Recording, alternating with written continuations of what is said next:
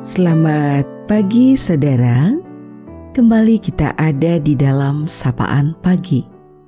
Mendengarkan Tuhan menyapa kita di dalam firman-Nya. Namun, sebelum kita mendengarkan sapaan dalam firman-Nya itu, mari teduhkan hati. Kita akan awali dalam doa. Terima kasih ya Tuhan penyertaan-Mu yang senantiasa ada dalam kehidupan ini.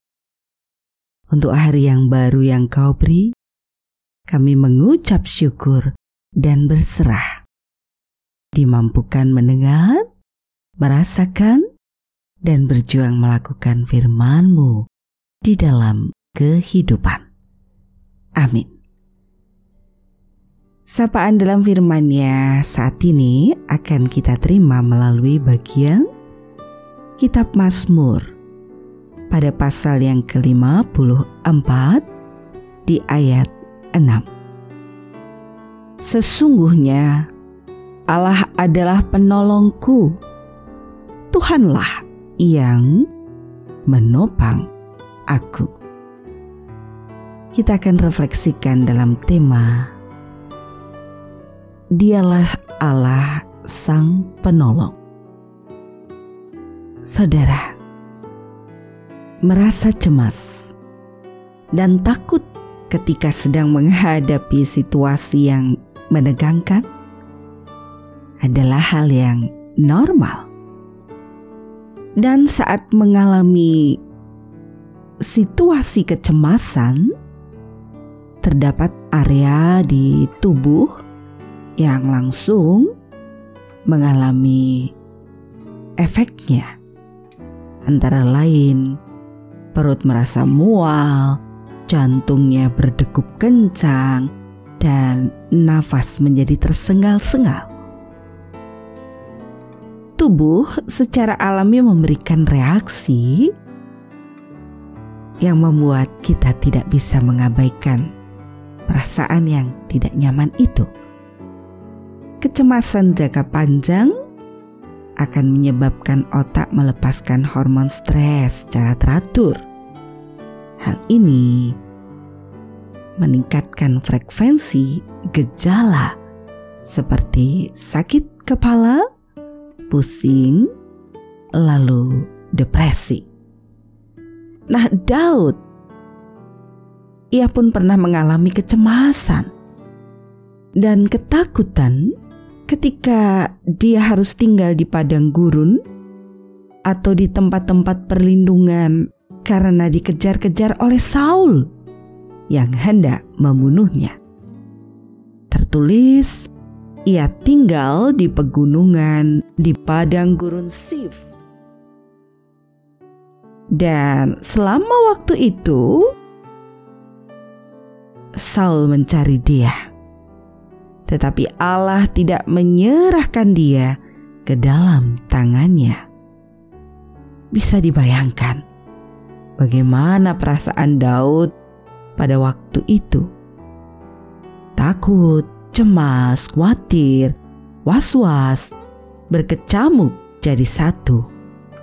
Di dalam ketakutan dan kesesakannya, Daud memanjatkan doa pada Tuhan Daud dengan jujur dan tulus meminta Tuhan menyelamatkannya, memberikan keadilan padanya, dan memuji Tuhan sebagai penolong dan penopangnya.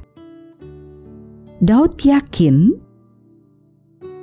bahwa musuh-musuhnya akan dihalau oleh Tuhan Daud berkomitmen untuk memberikan persembahan pada Tuhan karena yakin Tuhan akan melepaskannya dari segala kesesakan. Walaupun saat itu dia masih dalam keadaan terdesak dan dikejar-kejar musuh.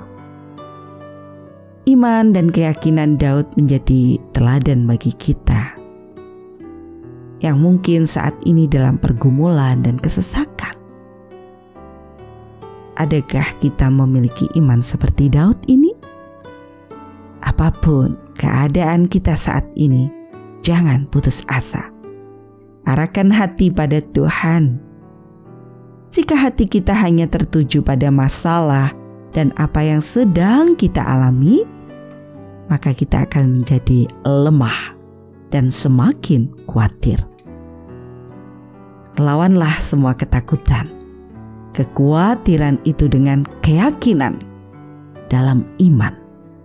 Kita harus yakin bahwa Tuhan Allah adalah penolong dan penopang kita di dalam kesesakan.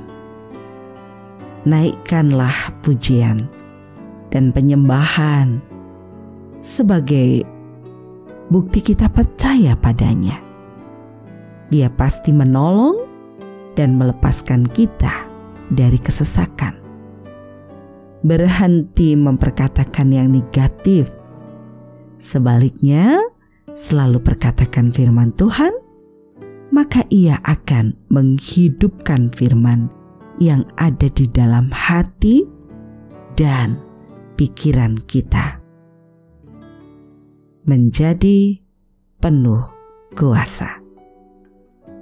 Yakinlah saudara bahwa orang benar akan hidup oleh iman.